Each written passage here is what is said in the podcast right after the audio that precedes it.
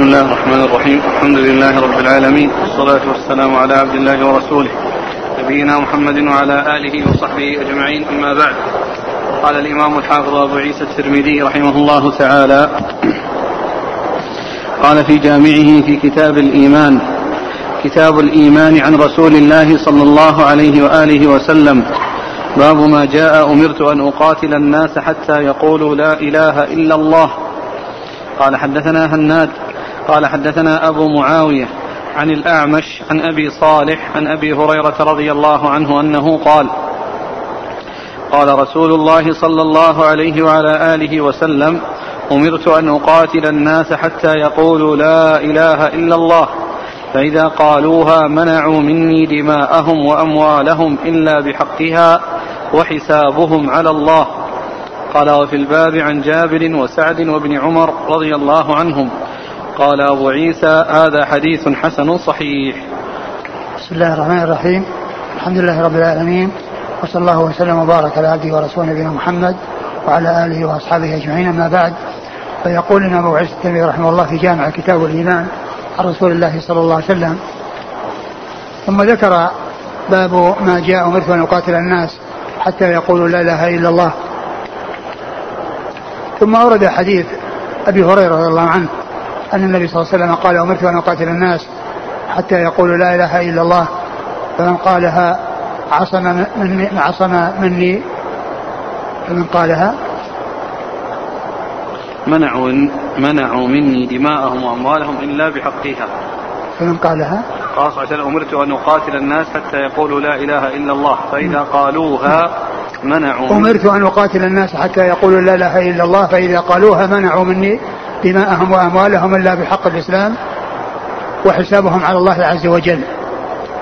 هذا الحديث أولا قوله قول أبي هريرة أمرت. الصحابي إذا قال الرسول صلى الله عليه وسلم إذا قال أمرت فالآمر له هو الله عز وجل. الرسول صلى الله عليه وسلم إذا قال أمرت فالآمر له هو الله سبحانه وتعالى. والصحابة إذا قالوا أمرنا أو نهينا عن كذا فالآمر الناهي لهم هو رسول الله صلى الله عليه وسلم.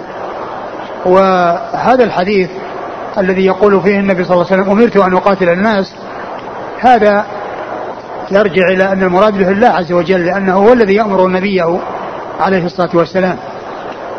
ثم هذا يبين لنا أن السنة هي وحي من الله عز وجل. السنة وحي من الله عز وجل كما أن القرآن وحي منه سبحانه وتعالى.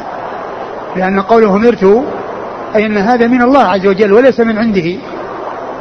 كونه يقاتل الناس حتى يشهدوا أن لا إله إلا الله وحتى يقولوا لا إله إلا الله هذا ليس من عنده صلى الله عليه وسلم بل هو من عند الله سبحانه وتعالى لأنه هو الآمر الناهي له صلى الله عليه وسلم. أمرت أن أقاتل الناس حتى يقولوا لا إله إلا الله. هذه هي الغاية التي يقاتل إليها. وهي أن يدخلوا في, في التوحيد ويدخلوا في الإيمان ويدخلوا في الإسلام وتحصل منهم شهادة لا إله إلا الله وأن محمد رسول الله صلى الله عليه وسلم. ولم تذكر الشهادة بأن محمد رسول الله صلى الله عليه وسلم في بعض الأحاديث لأنها ملازمة لشهادة لا إله إلا الله. ولا تنفك عنها.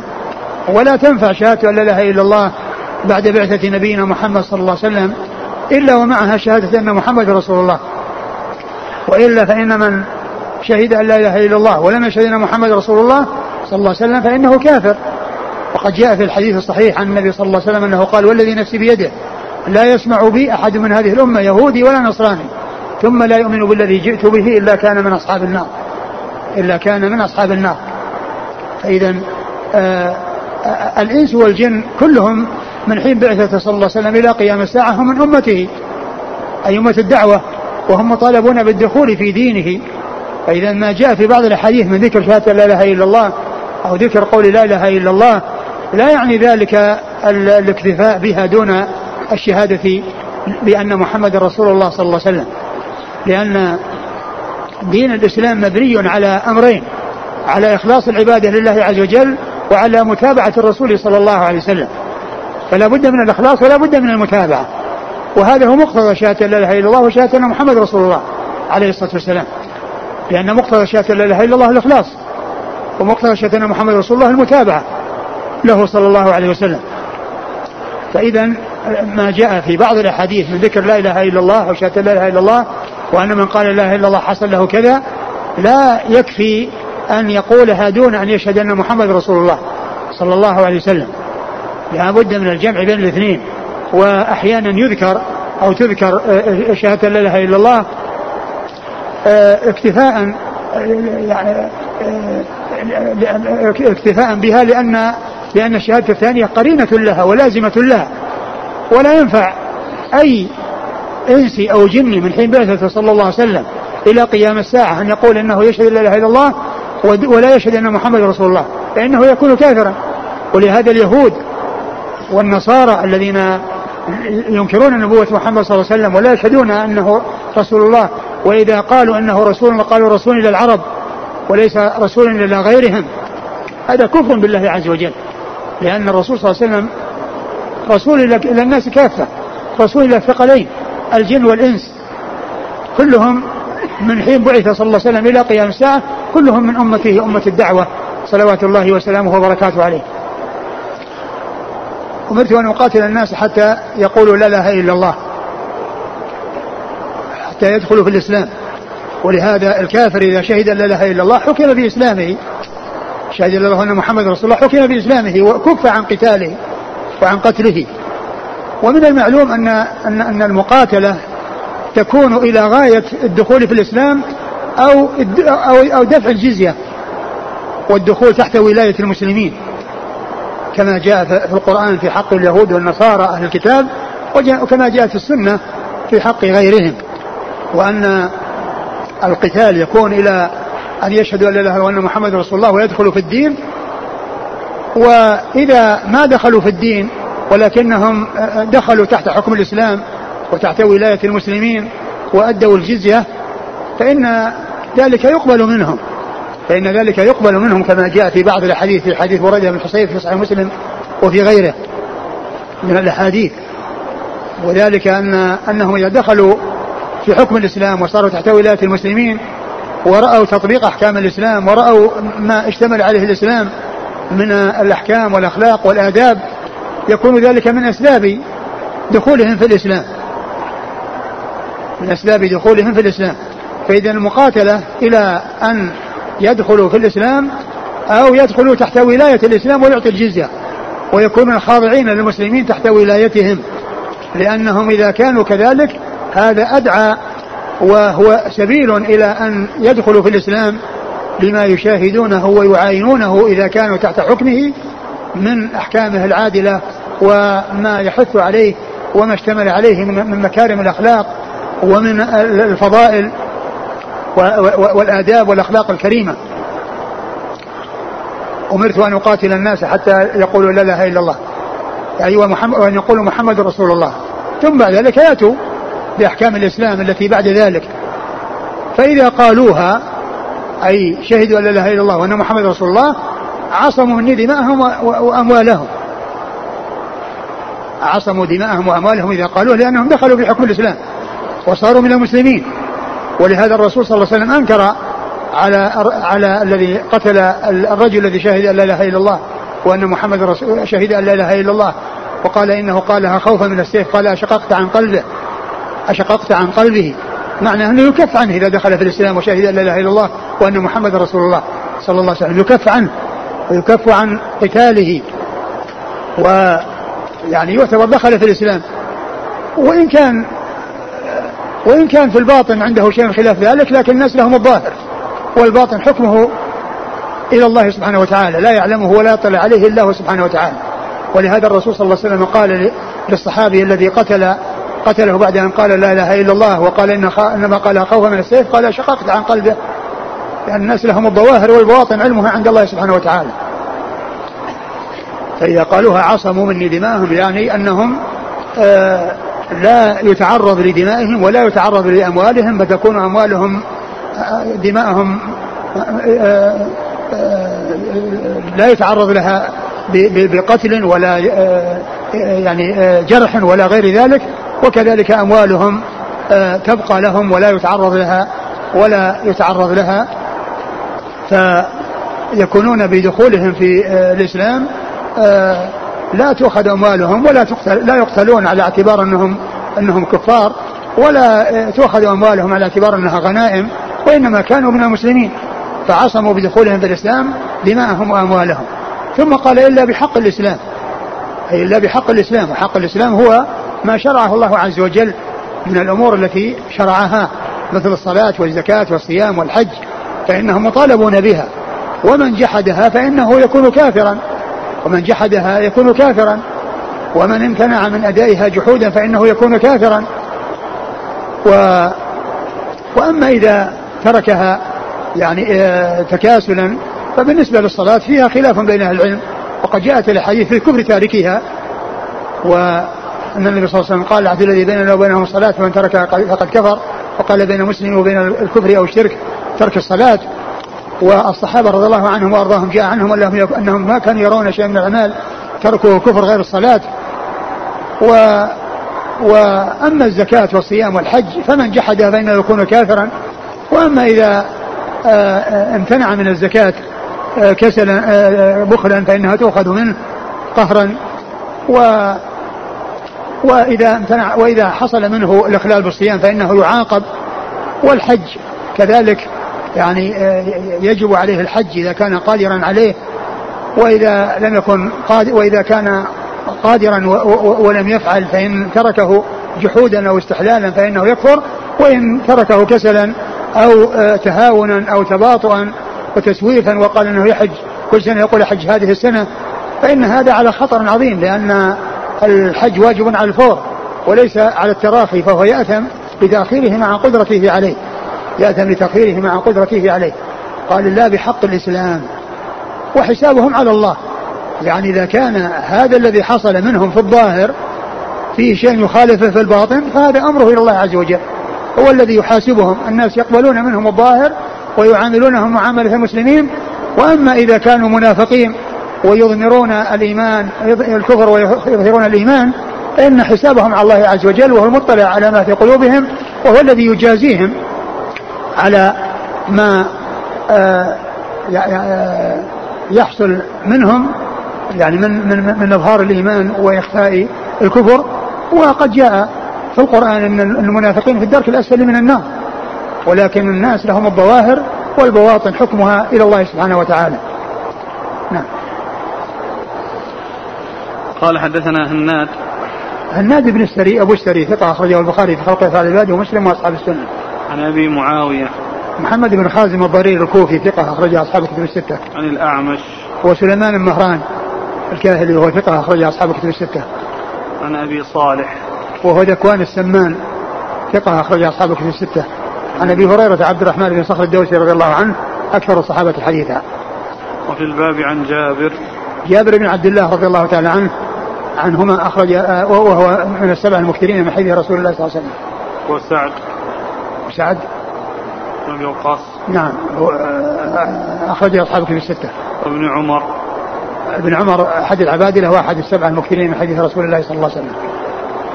يقول السائل فضيلة الشيخ ما توجيه هذا الحديث مع الآية لا إكراه في الدين لا إكراه في الدين آه ليس معنى ذلك أن أن الكفار أنهم لا يقاتلون. حتى يدخلوا تحت يدخلوا في الإسلام أو يدخلوا في حكمه. لأنه إذا دخلوا في حكم الإسلام ما يكرهون على أن يدخلوا في الإسلام. لأنهم إذا دخلوا إما أن يدخلوا في الإسلام أو يدخلوا تحت حكمه ولا يكرهون على الدخول في الإسلام. فليس المقصود أنه لا يكره في الدين الناس لا يقاتلون ولا يجاهدون فإن الجهاد كان أصحاب الرسول صلى الله عليه وسلم يذهبون إلى الكفار في بلادهم ويغزونهم في بلادهم يذهبون إلى الفرس وإلى الروم. وإلى آه، يعني الجهات المختلفة. كل ذلك لدعوة الإسلام ومن دخل في الإسلام كفوا عنه. ومن امتنع فإنهم قاتلوه حتى يدخل الإسلام أو يدخل في حكم الإسلام ويدفع الجزية ويكون تحت ولاية المسلمين. لأنه إذا دخل تحت ولاية المسلمين كما ذكرت يكون ذلك سببا إلى هدايتهم وإلى دخولهم في الإسلام. والمقصود هو دخولهم في الإسلام. دخولهم في الإسلام أو خضوعهم تحت حكم الإسلام الذي يكون سببا في إسلامهم وسببا في دخولهم في الإسلام.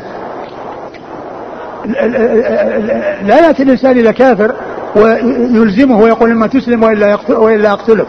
لا يكره. وكذلك من أعطى الجزية لا يكره على الإسلام. لا يكره على الإسلام. ولكن الناس يقاتلون حتى يدخلوا في الإسلام أو يعطي الجزية عن يد وهم صاغرون. ولأنه أعطوا الجزية ودخلوا تحت حكم الإسلام يكون ذلك أدعى إلى إسلامهم.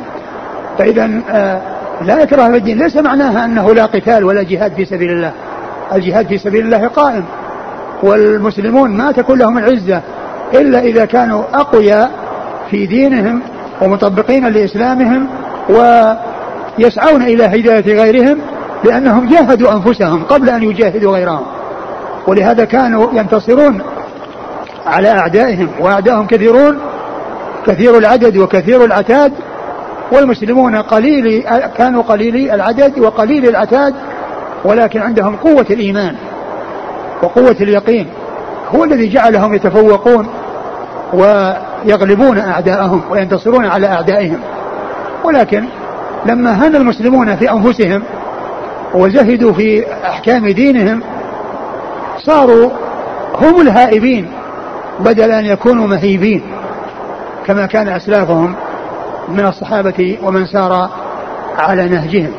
إذا قوله لا إكراه في الدين يعني لا يعني أنه يترك الجهاد فإن الجهاد قائم والآيات كثيرة في ذلك والأحاديث كثيرة في ذلك ومن هذا الحديث أمرت أن أقاتل الناس حتى يقولوا لا إله إلا الله حتى يشهدوا أن لا إله إلا الله وأن محمد رسول الله. لكن من دفع الجزية فإنه يكف عن قتله ولا يكره على الدخول في الإسلام وإذا والكافر الذي يكون يلتقي به المسلمون لا يلزمونه بالإسلام وإلا يقتلوه وإنما يقاتلون الكفار حتى يدخل الإسلام ويعطي الجزية عن يدهم وهم صاغرون. من قال لا إله إلا الله محمد رسول الله ولم يعمل من الإسلام سوى هذه الكلمة فقط فهل يدخل الإسلام لأنه لم يصله من الإسلام سوى هذه الكلمة. هو الواجب عليه إذا دخل في الإسلام أو الذي أدخله في الإسلام أن يعلمه أحكام الإسلام وأن يبين له مثل ما كان النبي صلى الله عليه وسلم يدعو الناس آه، إلى الإسلام بالتدرج كما أوصى معاذ بن جبل لما ذهب إلى اليمن قال إنك تأتي قوم أهل الكتاب فليكن أول ما تدعوهم إليه شهادة لا إله إلا الله وأن محمد رسول الله. فإنهم أجابوك لذلك فأعلمهم الله افترض عليهم. خمس صلوات في كل يوم وليلة. فإنهم أجابوك لذلك فأعلمهم الله افترض عليهم صدقة في أموالهم تؤخذ من أغنيائهم فترد على فقرائهم يعني أن, أن أنهم إذا دعوا إلى الإسلام ودخلوا فيه يعلمون أحكام الإسلام بالتدريج شيء فشيء ويدعون إلى ما وراءها. مثل ما جاء في حديث معاذ من هذا التدرج. ف يشهد لا إله إلا الله وأن محمد رسول الله وبعد ذلك يؤمر بالصلاة ويعلم الصلاة حتى يؤديها ثم بعد ذلك يؤمر بالزكاة. قال حدثنا قتيبة قال حدثنا الليث عن عقيل عن الزهري قال أخبرني عبيد الله بن عبد الله بن عتبة بن مسعود عن أبي هريرة رضي الله عنه أنه قال لما توفي رسول الله صلى الله عليه وعلى آله وسلم واستخلف أبو بكر رضي الله عنه بعده كفر من كفر من العرب. فقال عمر رضي الله عنه لأبي بكر كيف تقاتل الناس؟ وقد قال رسول الله صلى الله عليه وسلم أمرت أن أقاتل الناس حتى يقولوا لا إله إلا الله ومن قال لا إله إلا الله عصم مني ماله ونفسه إلا بحقه وحسابه على الله. قال أبو بكر والله لأقاتلن من فرق بين الزكاة والصلاة وإن الزكاة حق المال. والله لو منعوني عقالا كانوا يؤدونه إلى رسول الله صلى الله عليه وسلم لقاتلتهم على منعه. فقال عمر بن الخطاب فوالله ما هو إلا أن رأيت أن الله قد شرح صدر أبي بكر للقتال فعرفت أنه الحق. قال أبو عيسى هذا حديث حسن صحيح. وهكذا روى شعيب بن أبي حمزة عن الزهري عن عبيد الله بن عبد الله عن أبي هريرة. وروى عمران القطان هذا الحديث عن معمر عن الزهري عن أنس بن مالك عن أبي بكر رضي الله عنهما. وهو حديث خطأ وقد خولف عمران في روايته عن معمر. هذا أول حديث قال أمرت. لما توفي رسول الله صلى الله عليه وسلم واستخلف أبو بكر بعده كفر من كفر من العرب. فقال عمر بن الخطاب لأبي بكر. لما توفي رسول الله صلى الله عليه وسلم وكفر من كفر من العرب ارتد من ارتد من العرب آه، أبو بكر رضي الله عنه أهم شيء قام به وأول شيء قام به أنه أراد أن يرجع الناس إلى ما كانوا عليه في زمن الرسول صلى الله عليه وسلم. والذين بعد وفاة النبي صلى الله عليه وسلم منهم ارتد وعاد إلى الكفر. وهؤلاء قتالهم واضح ما فيه إشكال لأنهم كفار. فيقاتلون حتى يدخل يعودوا إلى الإسلام أو أو يقتلون. وهؤلاء هم الذين قتلوا في هذه في هذا الجهاد الذي قام به أبو بكر رضي الله عنه ممن كان من أصحاب الرسول صلى الله عليه وسلم هم الذين عناهم النبي صلى الله عليه وسلم في قوله عندما يعرض أناس على الحوض ويرادون وهو يعرفهم فيقول أصحابي فيقال إنك لا تدري ما احدثوا بعدك. أي إنهم ارتدوا وقتل على الردة. والرسول صلى الله عليه وسلم ما يعلم الشيء الذي حصل منهم. وقال أصحابي بناء على ما كان يعرفهم من أنهم مسلمون وأنهم من أصحابه. ولأنه حيل بينهم وبين ورود الحوض بأنهم ارتدوا فيقال إنك لا تدري ما أحدثوا بعدك. فقتال المرتدين هذا ما فيه إشكال لا عند عمر ولا عند غيره وإنما الإشكال عند الذين منعوا الزكاة ولم يدفعوها إلا أبي بكر رضي الله عنه. وقد فهموا يعني خطأ أن الله عز وجل قال خذ من أموالهم صدقة تطهرهم وتزكيهم بها وصلي عليهم. وقالوا أن الرسول صلى الله عليه وسلم هذا خطاب للرسول وغيره لا يقوم مقامه ولا يحصل منه مثل ما يحصل من الرسول صلى الله عليه وسلم من من من التطهير وما ولا شك أن هذا فهم خاطئ. فعمر أبو بكر رضي الله عنه أراد أن يقاتل هؤلاء حتى حتى يعطي الزكاة كما كانوا يعطونها على عهد رسول الله صلى الله عليه وسلم. فعمر هذا هو الذي قال له تقاتل الناس. وقد قال امرت ان اقاتل الناس حتى يقولوا لا إله إلا الله. حتى يقولوا لا, لا إله إلا الله. فقال يعني ان ان أن, حق لا إله إلا الله وحق آه، الإسلام هو أن يؤدوا ما هو واجب عليهم مثل الصلاة والزكاة والصيام والحج وغير ذلك من الأعمال التي لا بد منها. يؤدوها فالزكاة من امتنع منها جحودا فإنه يكفر ومن امتنع منها بخلا وشحا فإنها تؤخذ منه قهرا وقسرا. فأبو بكر رضي الله عنه قال آه، لأقاتلن من فرق بين الصلاة والزكاة. وقال لو منعوني عقالا كانوا يؤدونه إلى رسول الله صلى الله عليه وسلم لقاتلتهم على منعه لأنه أراد أن يكون الناس كما كانوا في زمن النبوة. ما يحصل تغير واختلاف عما كانوا عليه في زمن النبوة. الشيء الذي كانوا عليه في زمن النبي صلى الله عليه وسلم يبقون عليه. فبعد ذلك آه، عمر رضي الله عنه رأى أن الله شرح أبي بكر للقتال فرأى أنه الحق. وحصل منه القتال حتى آه، دخل الناس في دين الله وحتى رجع من كان مرتدا وحتى الذين منعوا الزكاة أدوها. والعقال قيل إن المقصود به آه، هو الحبل الذي آه، آه، تربط به يد البعير. إذا حتى لا يعني ينفلت وحتى لا يذهب.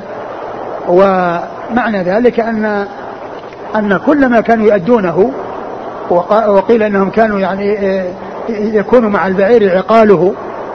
وأن أبو بكر رضي الله عنه أراد أن يبين أن أي شيء كانوا يؤدونه إلى الرسول صلى الله عليه وسلم أنه لا بد أن يؤدوه لخليفته ولمن قام بالأمر من بعده وإلا فإنهم يقاتلون. ولا يترك شيء كان في زمنه صلى الله عليه وسلم وشيء كان أوجبه واجبا في شريعته ويمتنع منه بعد وفاته فإذا كان امتنع من ذلك جحودا فإن هذا ردة وكفر وإذا امتنع منه شحا فإنه يؤخذ آه، منهم قسرا ويبقون على ما هم عليه آه، آه، ويبقون على ما هم عليه دون أن يحصل لهم القتال. لكن إذا نصبوا القتال وامتنعوا من دفع الزكاة فإنهم يقاتلون. لأنهم هم الذين نصبوا آه، القتال وهم الذين استعدوا القتال وهم الذين امتنعوا من تطبيق أحكام الإسلام وما يريده منهم الإسلام. هذا الحديث لما لما توفي رسول الله صلى الله عليه وسلم. واستخلف أبو بكر بعده كفر من كفر من العرب فقال عمر بن الخطاب لأبي بكر كيف تقاتل الناس؟ وقد قال رسول الله صلى الله عليه وسلم أمرت أن أقاتل الناس حتى يقولوا لا إله إلا الله. لأن الذي ارتد عن الإسلام وكفر بالله عز وجل يعني ما حصل منه مقتضى لا إله إلا الله.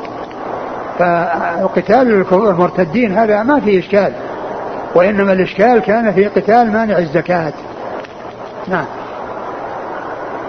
ومن قال لا إله إلا الله عصم مني ماله ونفسه إلا بحقه وحسابه على الله.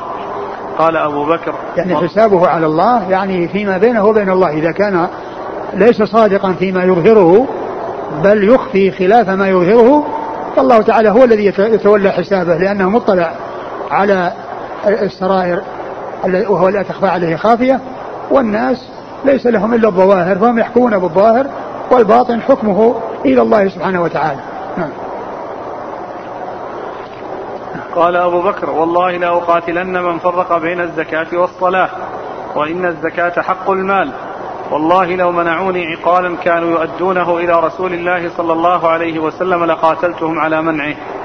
يعني إذا كانوا منعوه جحودا فهم يقاتلون لكفرهم وردتهم وإن كانوا يعني يمنعونه شحا وبخلا فإنه يؤخذ منهم قهرا وإذا قاتلوا دونه فإنهم يقاتلون حتى آه، ينفذ فيهم حكم الله عز وجل.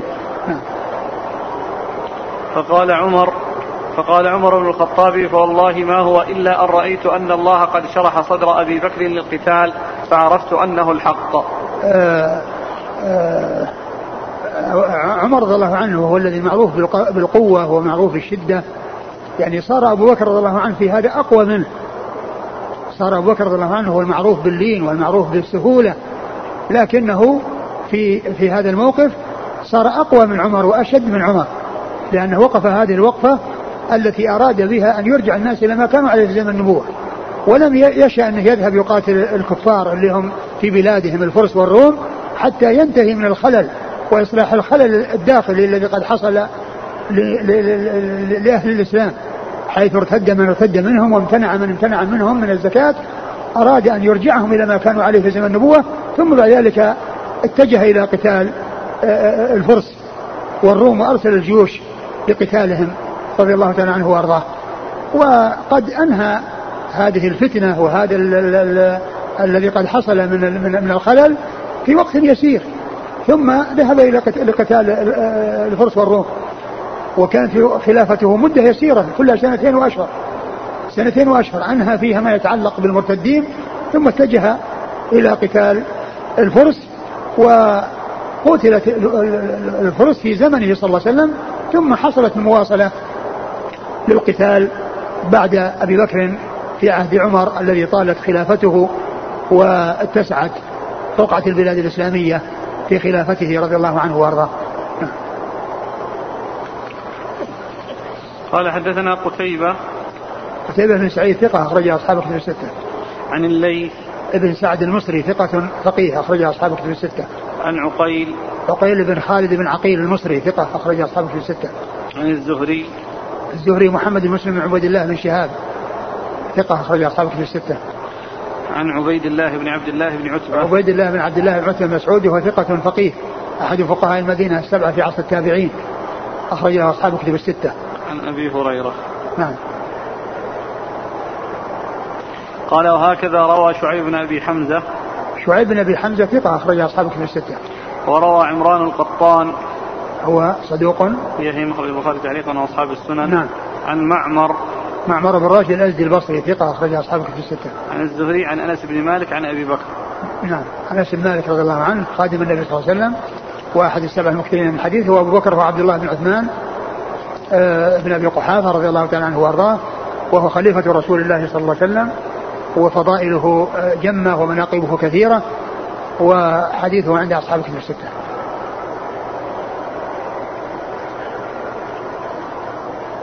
يقول السائل هل مقاتلة أبي بكر لمانع الزكاة يدل على أنهم كفار وهذا يقول الذين منعوا الزكاة فقاتلهم أبو بكر هل قتالهم قتاله لهم قتال بغاة أو قتال أهل ردة.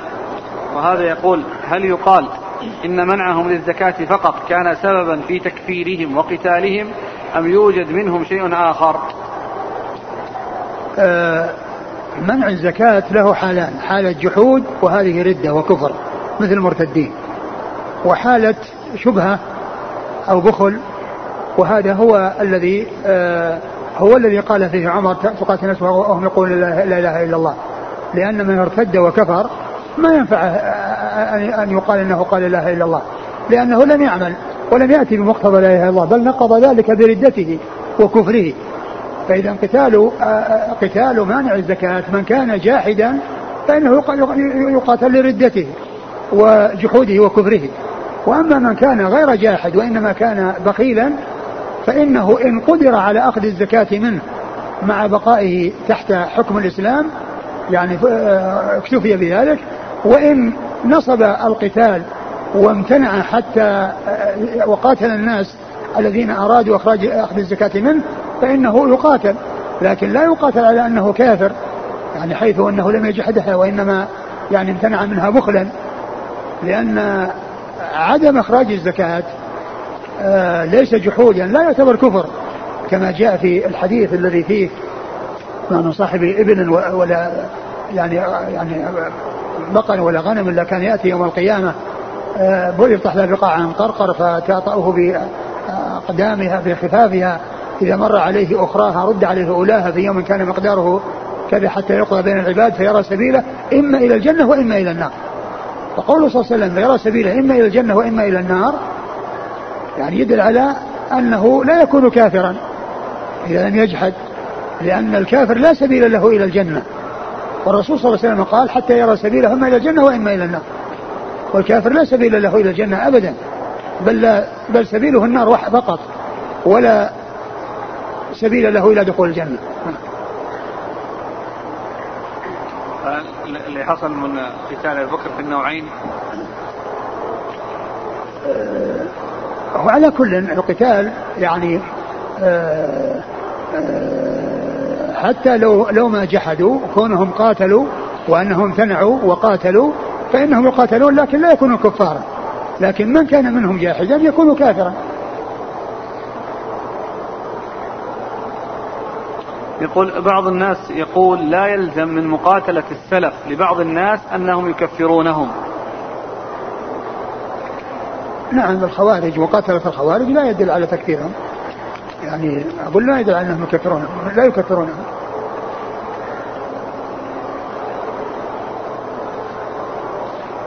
هل انشراح صدر أبي بكر دليل على أنه حق؟ لا شك. وأيضا أبو عمر رضي الله عنه شرح صدره لما شرح له صدر أبي بكر. ولهذا قال عرفت أنه الحق. هل هذه عبارة صحيحة؟ يقاتل مانع الزكاة ولو لم يجحدوا إذا قاتلوا عليها لأنهم كفروا. لا كلمة لأنهم كفروا ما تستقيم.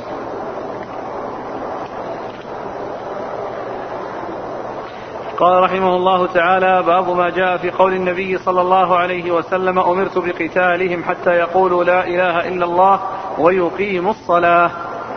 قال حدثنا سعيد بن يعقوب الطالقاني قال حدثنا ابن المبارك قال أخبرنا حميد الطويل عن أنس بن مالك رضي الله عنه أنه قال قال رسول الله صلى الله عليه وآله وسلم أمرت أن أقاتل الناس حتى يشهدوا أن لا إله إلا الله وأن محمدا عبده ورسوله وأن يستقبلوا قبلتنا ويأكلوا ذبيحتنا وأن يصلوا صلاتنا. فإذا فعلوا ذلك حرمت علينا دماؤهم وأموالهم إلا بحقها لهم ما للمسلمين. وعليهم ما على المسلمين. وفي الباب عن معاذ بن جبل وأبي هريرة رضي الله عنهما قال أبو عيسى هذا حديث حسن صحيح غريب من هذا الوجه. وقد رواه يحيى بن أيوب عن حميد عن أنس نحو هذا. ثم ورد أبو عيسى هذا الباب. باب ما جاء في آه، أمرت أن أقاتل الناس حتى يشهدوا ان لا إله إلا الله ويصلوا. ويقيموا الصلاة. ويقيموا الصلاة. يعني هذا بعض الأحاديث جاء فيها ذكر الشهادة وبعضها جاء فيها مع ذكر الشهادة الصلاة والزكاة الصلاة وبعضها والزكاة. وقد جاء في القرآن الكريم أن ان ان أن القتال يكون إلى أن يدخل في الإسلام ويقيم الصلاة ويؤتي الزكاة. كما قال الله عز وجل آه، في آه، في سورة التوبة فإن تابوا وأقاموا الصلاة. وآتوا الزكاة فخلوا سبيلهم. إن تابوا وأقاموا الصلاة وآتوا الزكاة فإخوانكم في الدين. فالأمران يعني والحديث جاء في بعض طرقه أمرت حتى يشهد الله أنهم حضروا ويقيموا الصلاة ويؤتوا الزكاة. فيقيم الصلاة ويؤتي الزكاة. وهو مطابق لما جاء في القرآن فإن تابوا وأقاموا الصلاة وآتوا الزكاة فخلوا سبيلهم فإخوانكم في الدين. في آيتين من سورة التوبة. فالقتال يعني يكون إلى إلى هذه الغاية. ومن امتنع أو جحد يعني أحكام الإسلام الأخرى مثل كونه يجحد الصيام وكذا فإنهم يقاتلون حتى حتى يحصل منهم الاستسلام والانقياد. إذا امتنعوا وكذلك بالنسبة للزكاة فإنهم يقاتلون. يعني حتى يؤدوا الزكاة لكن من امتنع منها كما ذكرت بخلا فإنه لا يكفر وإنما تؤخذ منه إن قدر على أخذها منه بدون قتال وإن نصب نفسه للقتال فإنه يقاتل حتى يؤديها. قال أمرت أن أقاتل الناس؟ حتى يشهدوا أن لا إله إلا الله وأن محمدا عبده ورسوله. وهذا فيه ذكر الشهادة لمحمد صلى الله عليه وسلم بالرسالة. والأحاديث التي فيها ذكر الشهادة وحدها آه، الشهادة الثانية لازمة لها ولا تنفك إحداهما عن الأخرى بل هما متلازمتان لا ينفك بعضهما عن بعض. و وأن يستقبلوا قبلتنا. وأن يستقبلوا قبلتنا يعني يكونون مسلمين يعني مثلنا يصلون إلى قبلتنا يعني يصلون إلى قبلتنا ويكونوا من المسلمين الذين يستقبلون القبلة والمسلمون قبلتهم واحدة وهي الكعبة. لا يصلون إلى جهات أخرى. وهذا هو شأن المسلمين. بخلاف غيرهم فإنهم يصلون إلى إلى إلى إلى, إلى, إلى جهات أخرى يستقبلونها. ويأكلوا ذبيحتنا. ويأكلوا ذبيحتنا يعني أنهم يعني يكونون مثلنا. يعني لهم ما لنا ولهم وعليهم ما علينا. نعم. وأن يصلوا صلاتنا. نعم. وأن يصلوا صلاتنا مستقبلين قبلتنا. نعم. فإذا فعلوا ذلك حرمت علينا دماؤهم وأموالهم إلا بحقها. نعم. لهم ما للمسلمين وعليهم ما على المسلمين. نعم. يعني تجري عليهم يعني آه لأنهم مسلمون يعاملون معاملة المسلمين. نعم. قال حدثنا سعيد بن بن يعقوب الطالقاني هو ثقة أخرجه أبو داود والترمذي والنسائي نعم. عن ابن المبارك. وعبد الله بن المبارك المروزي ثقة. أخرج أصحاب كتب الستة. عن حميد الطويل. حميد بن أبي حميد الطويل ثقة أخرج أصحاب كتب الستة. عن أنس بن مالك. أنس بن مالك رضي الله عنه خادم النبي صلى الله عليه وسلم واحد السبع المكثرين من حديثه. قال وفي الباب عن معاذ بن جبل. رضي الله عنه أخرج أصحاب كتب الستة. قال وقد رواه يحيى بن أيوب. هو الغافقي وهو؟ صدوق ربما أخطأ أخرج نعم. أصحاب الكتب. نعم.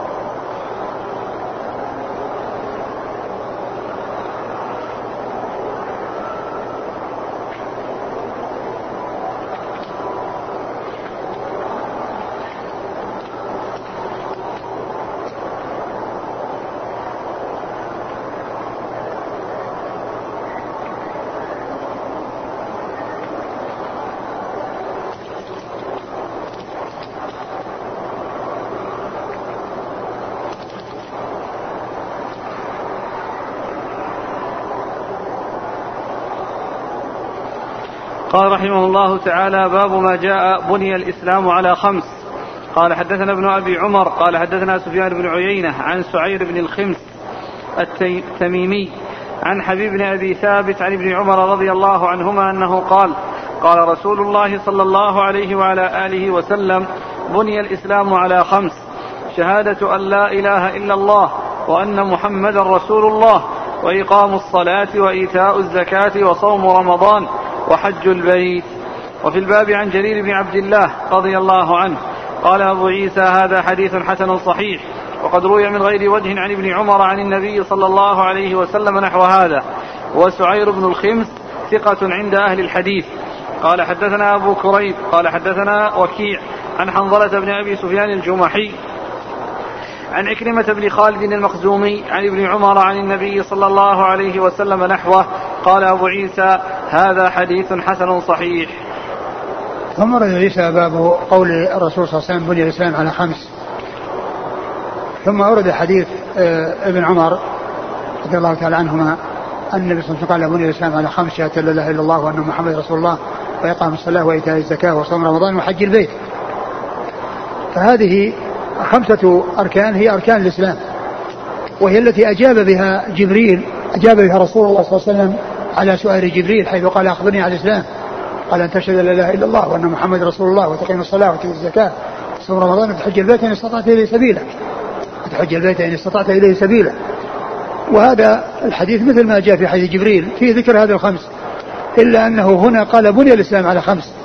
ويدل على عظم شأنها وبيان عظيم منزلتها. وأن الإسلام بني عليها. وأن الإسلام بني عليها. وهي أمور ظاهرة. هي أمور ظاهرة.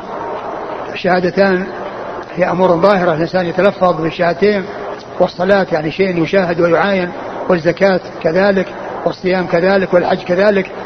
ولهذا يعني صار الإسلام آه هو هو الإسلام هو الاستسلام لله والانقياد وهذا إنما يكون بالأمور الظاهرة. ولهذا جاء في حديث جبريل تفسير الإسلام بالأمور الظاهرة. وجاء تفسير الإيمان بالأمور الباطنة. وهنا قال بني الإسلام على خمس. وهذا يدل على عظم شأن هذا الخمس لأن الإسلام بني عليها. وكأنه قام عليها وهي مثل الأعمدة التي يقوم عليها البنيان. وبدونها لا يقوم بنيان. ثم ذكر الشهادتين وهما ركن واحد. لأن الشهادتين هي واحدة من الخمس. لأنهما متلازمتان ولا تغني إحداهما عن الأخرى. فأول الأركان الشهادتان. وهما أس الأسس. وهما أساس في نفسهما وأساس لغيرهما. من الأركان الأخرى وغير الأركان الأخرى. لأن كل عمل لم يكن مبنيا على الشهادتين. لا صلاة ولا صيام ولا حج ولا صدقة ولا ولا آه، بر والدين ولا إحسان إلى فقراء ولا يعني آه، أي أمر من أمور الخير إذا لم يكن مبنيا على الشهادتين فإنه لا ينفع. كما قال الله عز وجل وقدمنا إلى ما عملوا من عمل فجعلناه هباء منثورا. فإذا الشهادتان هما ركن وأساس في نفسهما وهما أساس لغيرهما من الأركان الأخرى وغيرها وغيرها من أعمال الإسلام. فبدأ بالشهادتين لأنهما الأساس. شهادة لا إله إلا الله وأن محمد رسول الله. شهادة لا إله إلا الله لأن الله عز وجل هو الإله الحق الذي لا تكون إله العبودية العبادة إلا له. فلا يعبد مع الله غيره. وإنما تكون العبادة خاصة به سبحانه وتعالى. فكما أنه هو المتصرف بالخلق والإيجاد فهو المستحق لأن يعبد وحده لا شريك له. وهذا هو الذي أنكره الكفار وجحدوه. وقامت الخصومة بين الأنبياء والرسل بين الأنبياء والرسل وبين الكفار فيه لأنهم جحدوا توحيد الألوهية ولم يجحدوا توحيد الربوبية. قد قال الله عز وجل عنهم أنهم قالوا أجعل الآلهة إلها واحدا؟ إن هذا لشيء عجاب. إن هذا لشيء عجاب. يعني كيف تكون يكون إله واحد يعني هم يريدون أن يكون آلهة متعددة؟ وهذا هو الذي جرت عليه الأمم. وحكاه الله عز وجل عنهم وأنهم يقولون أنهم باقون على ملة الآباء والأجداد وأنهم لا يتركون ملة آبائهم وأنهم ينكرون على الرسل أن يدعوهم إلى إلى إله واحد وهو الله سبحانه وتعالى. فإذا الشهادتان شهادة لا إله إلا الله ومقتضاها أن, لا أن, أن, أن, أن, أن تنفى جميع أنواع العبادة عن كل من سوى الله وتثبت لله وحده لأن لا إله إلا الله مشتمل على ركنين نفي وإثبات نفي عام وإثبات خاص. نفي عام في أولها وإثبات خاص في آخرها. تنفي العبادة عن كل من سوى الله وتثبتها لله وحده. فلا إله إلا الله ركن هو النفي العام وركن هو الإثبات الخاص. لا إله حق. لا نافية للجنس وإله اسمها وحق هو خبرها محذوف. ولا يقال إن الخبر هو موجود بل الخبر هو حق. لأن لأن المنفي هو الألوهية, الحقة إلا لله. وأما الألوهية الباطلة فإنها موجودة وكثيرة. الألوهية الباطلة موجودة وكثيرة. فإذا النفي ليس لوجود الآلهة وإنما هو لأحقية الألوهية إلا لله سبحانه وتعالى. لا إله حق إلا الله. وإلا الله إثبات. تنفي العبادة عن كل ما سوى الله وتثبتها لله وحده لا شريك له. وأن محمد رسول الله مقتضاها أن يصدق في كل خبر وأن يمتثل منه كل أمر وأن يجتنب منه كل نهي نهى عنه وأن يعبد الله طبقا لشريعته وأن يحب محبة تفوق محبة الوالدين والأولاد والناس أجمعين. صلوات الله وسلامه وبركاته عليه. لا بد من هذه الأمور في شهادة أن محمد رسول الله. صلوات الله وسلامه وبركاته عليه. ومقتضى شهادة أن محمد رسول الله أن يتبع. ولا يتعبد الله عز وجل بالبدع والخرافات والمحدثات التي ما أنزل الله بها من سلطان وإنما يتعبد بالسنن. ولهذا جاء عنه صلى الله عليه وسلم وقال من أحدث في أمرنا هذا ما ليس منه رد. فإذا شهادة لا إله إلا الله مقتضاها لا وشهادة أن محمد رسول الله أن تكون عبادة الله طبقا لما جاء به رسول الله صلى الله عليه وسلم. فلا يعبد بالهوى والبدع والمحدثات والخرافات وإنما يعبد بالسنن التي جاء بها رسول الله صلى الله عليه وسلم في كتاب الله وفي سنة رسول الله صلوات الله وسلامه وبركاته عليه. وهذان ركن واحد من الأسس التي بني عليها الإسلام بل هو أس الأسس لأن الصلاة بدون شهادتين ما لها قيمة والزكاة بدون شهادتين ما لها قيمة. والصيام كذلك والحج كذلك وكل عمل من الأعمال لا ينفع إذا لم يكن مبنيا على شهادة لا إله إلا الله وشهادة أن محمد رسول الله. فبدأ بالإسلام بالتوحيد والشهادتين لأنها أس الأسس ولأن فيها الدخول في الإسلام. الدخول في الإسلام بالشهادتين. ثم يؤتى ببقية الأعمال. ثم يلي الشهادتين الصلاة. التي هي أعظم أركان الإسلام بعد الشهادتين. أعظم أركان الإسلام بعد الشهادتين. وهي التي جاءت نصوص الكتاب والسنة على بيان عظم شأنها وأهميتها. وفرضت في اليوم والليلة خمس مرات. وهي صلة وثيقة بين العبد وبين ربه. لأن الإنسان على صلة وثيقة بالله سبحانه وتعالى. لأنه ما يصلي صلاة إلا وينتظر الصلاة التي بعدها. وهكذا فيكون دائما مع الله ودائما على صلة وثيقة بالله سبحانه وتعالى. ويتبين من يكون وليا لله ومن يكون بخلاف ذلك في في مدة وجيزة بالنسبة وذلك بالصلاة. فإذا صاحبت إنسانا ما كنت تصاحبه من قبل تستطيع أن تكتشف أنه على خير وأنه على شر في مدة وجيزة. إذا رأيته من المصلين فهذه علامة خير. وإن رأيته لا, وإن رأيته لا يصلي فهي علامة شر والعياذ بالله. وهذا بخلاف الزكاة والصيام والحج. لأن الزكاة ما تجي في السنة إلا تجي في السنة مرة, مرة واحدة. وتجي بشروط. وجود النصاب وحولان الحول. وجود النصاب وحولان الحول. والصيام لا يجي في الشهر السنة إلا مرة شهر شهر في السنة. والحج لا يجي في العمر إلا مرة واحدة. والصلاة في اليوم والليلة خمس مرات. ويستطيع الإنسان أن يعرف من من يصاحب وأنه من أولياء الله ومن أعداء الله بكونه يصلي أو لا يصلي.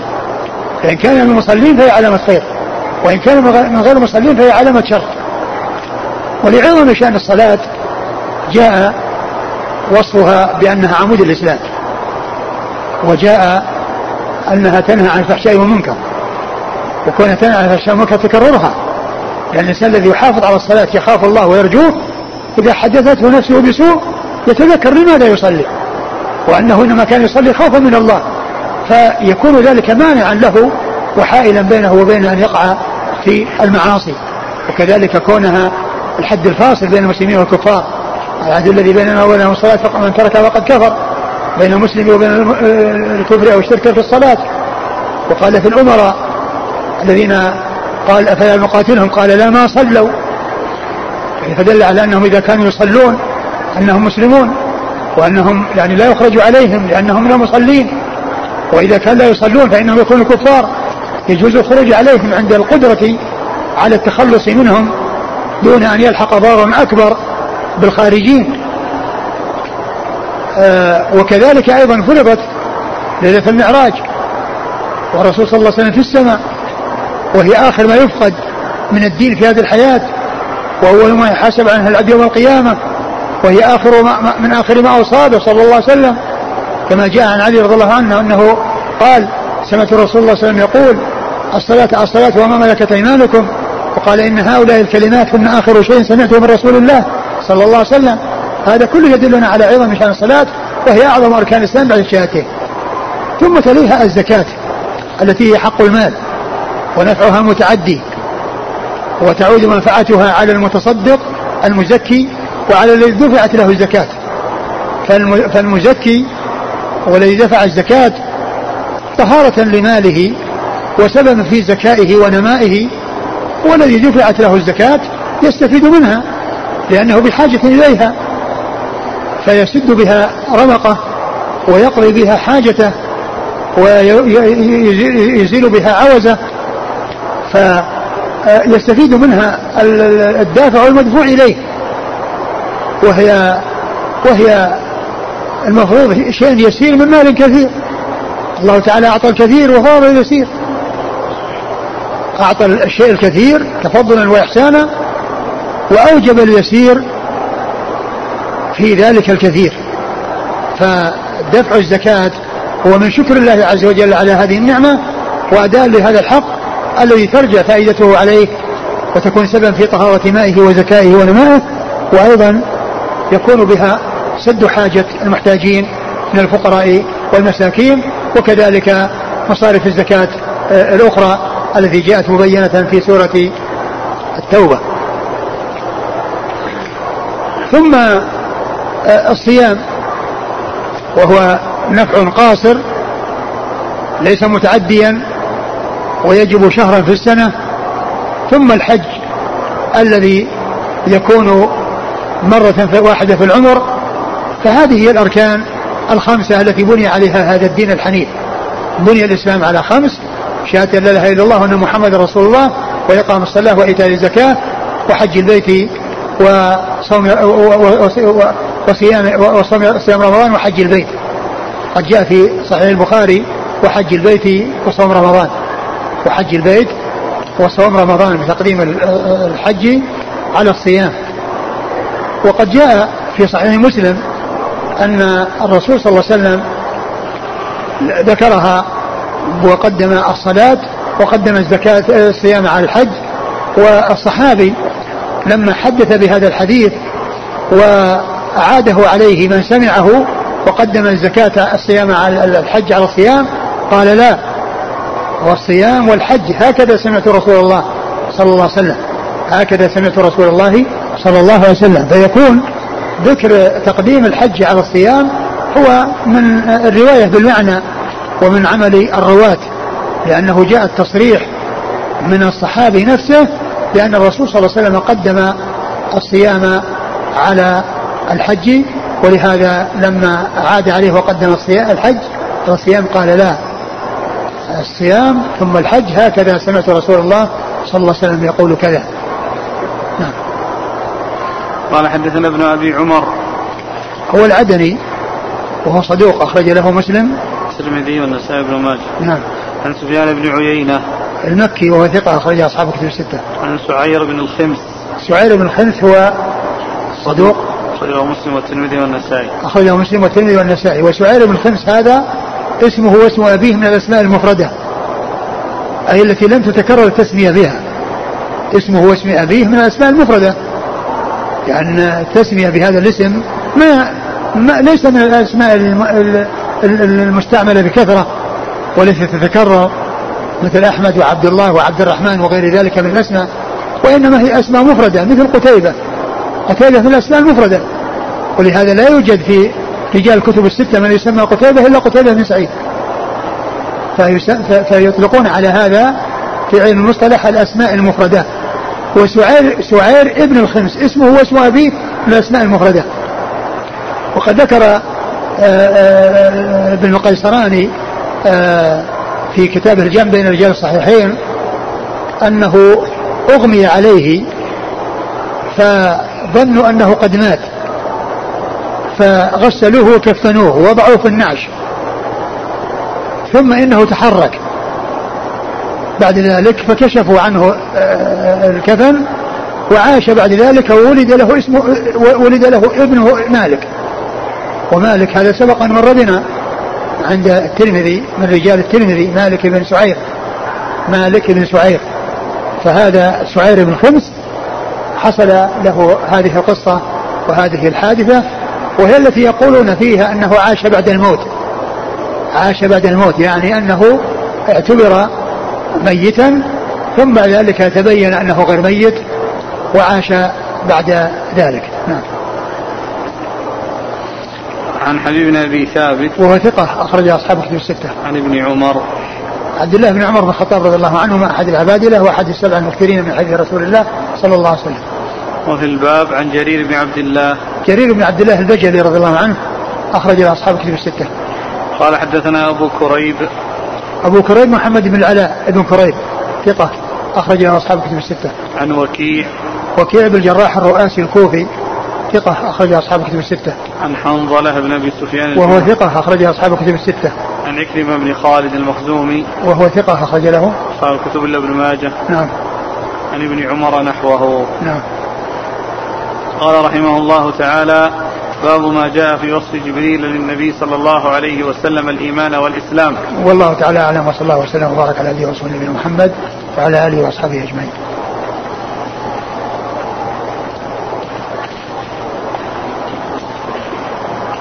جزاكم الله خيرا وبارك الله فيكم. ألهمكم الله الصواب ووفقكم للحق ونفعنا الله بما سمعنا وغفر الله لنا ولكم وللمسلمين أجمعين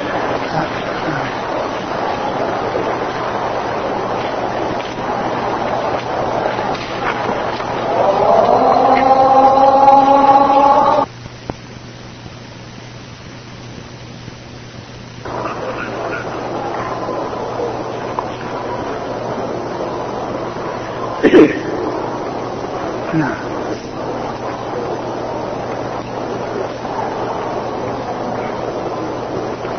يقول قال الشارح رحمه الله والفارق بينهم أي بين المرجئة والكرامية والمعتزلة وبين السلف أنهم جعلوا الأعمال شرطا في من صحته والسلف جعلوها شرطا في كماله وهذا كما قلنا بالنظر إلى ما عند الله تعالى انتهى الشارح الشارح عندنا هنا وين ذكر فيه؟ في أول الكلام لما أذكر عن كتاب الإيمان. أول هم؟ أول شيء لما قال باب الإيمان شرح العنوان الترجمة ها فقال هذا الكلام؟ والفارق بينهم. أي المرجئة والكرامية والمعتزلة. وبين السلف أنهم جعلوا الأعمال شرطا من صحته والسلف جعلوها شرطا في كماله وهذا كما قلنا بالنظر إلى ما عند الله تعالى انتهى. أقول ذكر الكمال يعني كون الأعمال شرطا في الكمال هذا ليس- بمستقيم لأن الأعمال هي متفاوتة ليست على حد سواء. فيها ما يكون كمال وفيها ما يكون شيء لا بد منه في الإيمان مثل الصلاة. فإن الصلاة لا بد منها. ومثل مثل الأعمال يقولون كمثل الجسد جسد الإنسان. فإن منه ما إذا ذهب لا يذهب الجسد بذهابه. لو قطع منه إصبع لا يؤثر عليه. لكن لو قطع رأسه فإنه يهلك ويموت. فإذا الأعمال متفاوتة فيها ما يصل إلى حد الكفر والصلاة وفيها ما لا يصل إليه وهو دون ذلك وهي متفاوتة.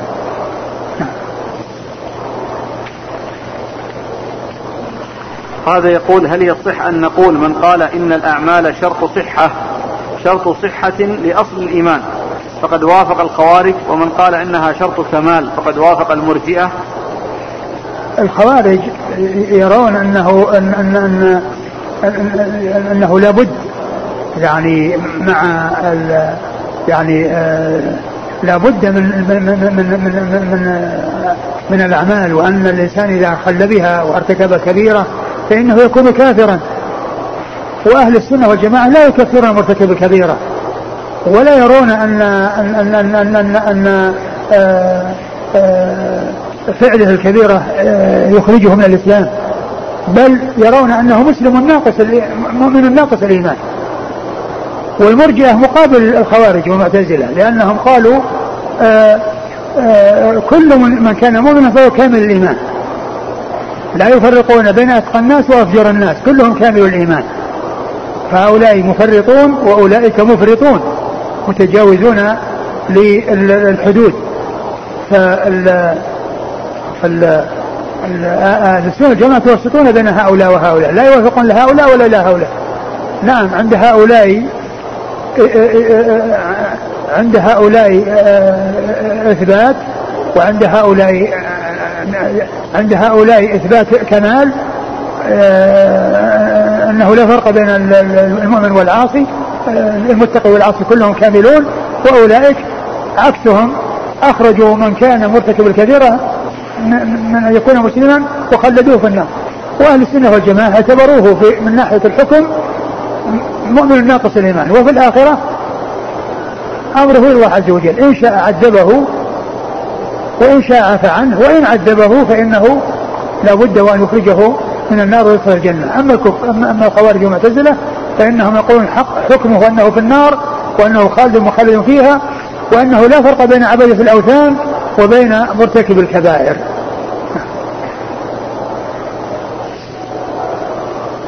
يقول الكافر إذا أسلم وقال لا إله إلا الله هل يجب عليه الاغتسال وحلق شعره لقول النبي صلى الله عليه وسلم ألق عنك شعر الكفر واختتن؟ الاغتسال نعم لا بد منه لأن الطهارة تترتب عليه. وأما قضية الاغتسال وكونه يعني يحلق ما ما أعرف يعني شيء عن الحكم أنه يعني أنه متعين أو أنه واجب. إذا أسلم النصراني هل لا بد أن يطلب منه أن يشهد أن عيسى عبد الله ورسوله خاصة إذا كان من أهل التثليث آه معلوم أن لا وأن محمد رسول الله هي المطلوبة والإنسان إذا شهد أن محمد رسول الله معنى ذلك أن أن يعني ما ما عدا ذلك تابع له. لكن كونه يذكر هذا الشيء الذي كانوا واقعين فيه وأنه يعني يطلب منهم هذا الشيء آه، مطلوبة لكن ليس بلازم. يقول في حديث أنس ذكر استقبال القبلة وأكل الذبيحة وصلاه وصلى صلاتنا. ألا يمكن أن تفسر هذه الأشياء بأنه مع جماعة المسلمين؟ إلا مع جماعة المسلمين. هو ما جماعة يعني من حكم حكم المسلمين؟ ومثل ما قال؟ لهم ما لنا ولهم ما علينا. يعني أن هذه الأفعال أنه كان مع جماعة لأنه لم لم يخرج عن الجماعة. فلذلك كان يستقبل القبلة وكان يعني يذبح. يعني من فعل كذا وكذا فهو من المسلمين يعني يعمل مثل ما يعملون ويفعل مثل ما يفعلون. يقول بعض أهل العلم قالوا إن سبب اختلاف أبي بكر وعمر رضي الله عنهما كونهم لم يعلموا بزيادة قوله عليه الصلاة والسلام وأقاموا الصلاة وآتوا الزكاة هل هذا صحيح؟ وأنه بهذه الزيادة, بهذه الزيادة عرف أن الحق كان مع أبي بكر نعم هو هذا لأنها ذكر الحافظ بن حجر في فتح الباري في شرحه لهذا الحديث قال يعني آه، آه، كان آه، ابن عمر رضي الله عنه هو الذي عرف هذا وكان يعني وقال إنه يعني كيف يعني يكون ابن عمر عنده العلم بهذا الحديث ثم لا يبينه لابي بكر وعمر.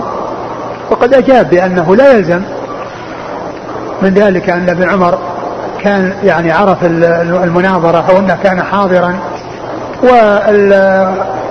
وقال في هذا دليل على أن الحجة أو الدليل قد يخفى على بعض الأكابر.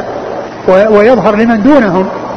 ولهذا قال آه، لا بد من التعويل على النصوص ولا يلتفت إلى ما خالف النصوص ويقال كيف خفي هذا على فلان وفلان. يعني الحافظ في الشرح ذكر قال إن هذا كان ليس عند أبي بكر ولا عند عمر. ولهذا يعني آه، آه، قالوا كيف يعني ابن عمر ما بين مع انه مع إنه راوي الحديث. وقد ذكر الصلاة والزكاة فقال إنه لا يلزم أن يكون عنده علم أن يكون علم بالمناظرة أو أن يكون استذكر تذكر في ذلك الوقت. نعم. يقول أعمل في بيع العطور ذات الكحول بنسبة قليلة فهل هذا فيه حرج؟ وما حكم التعطر بالعطور التي تحتوي على كحول؟ الطيب الطيب يغني عن عن الطيب الذي ليس بطيب. وأقل الأحوال ان يقال دع ما يريبك إلى ما لا يريبك. وليس الانسان انه يستعمل شيء فيه شبهة وفيه يعني احتمال الحرمة. ف آه، كما قال صلى الله عليه وسلم دع ما يريبك إلى ما لا يريبك. نعم. يقول فضيلة الشيخ نجد بعض الإخوة يضعون ملصقات على سياراتهم مكتوب فيها إلا محمد أو لبيك يا محمد وغير هذه من العبارات. فهل هذا الفعل من محبة الرسول صلى الله عليه وسلم؟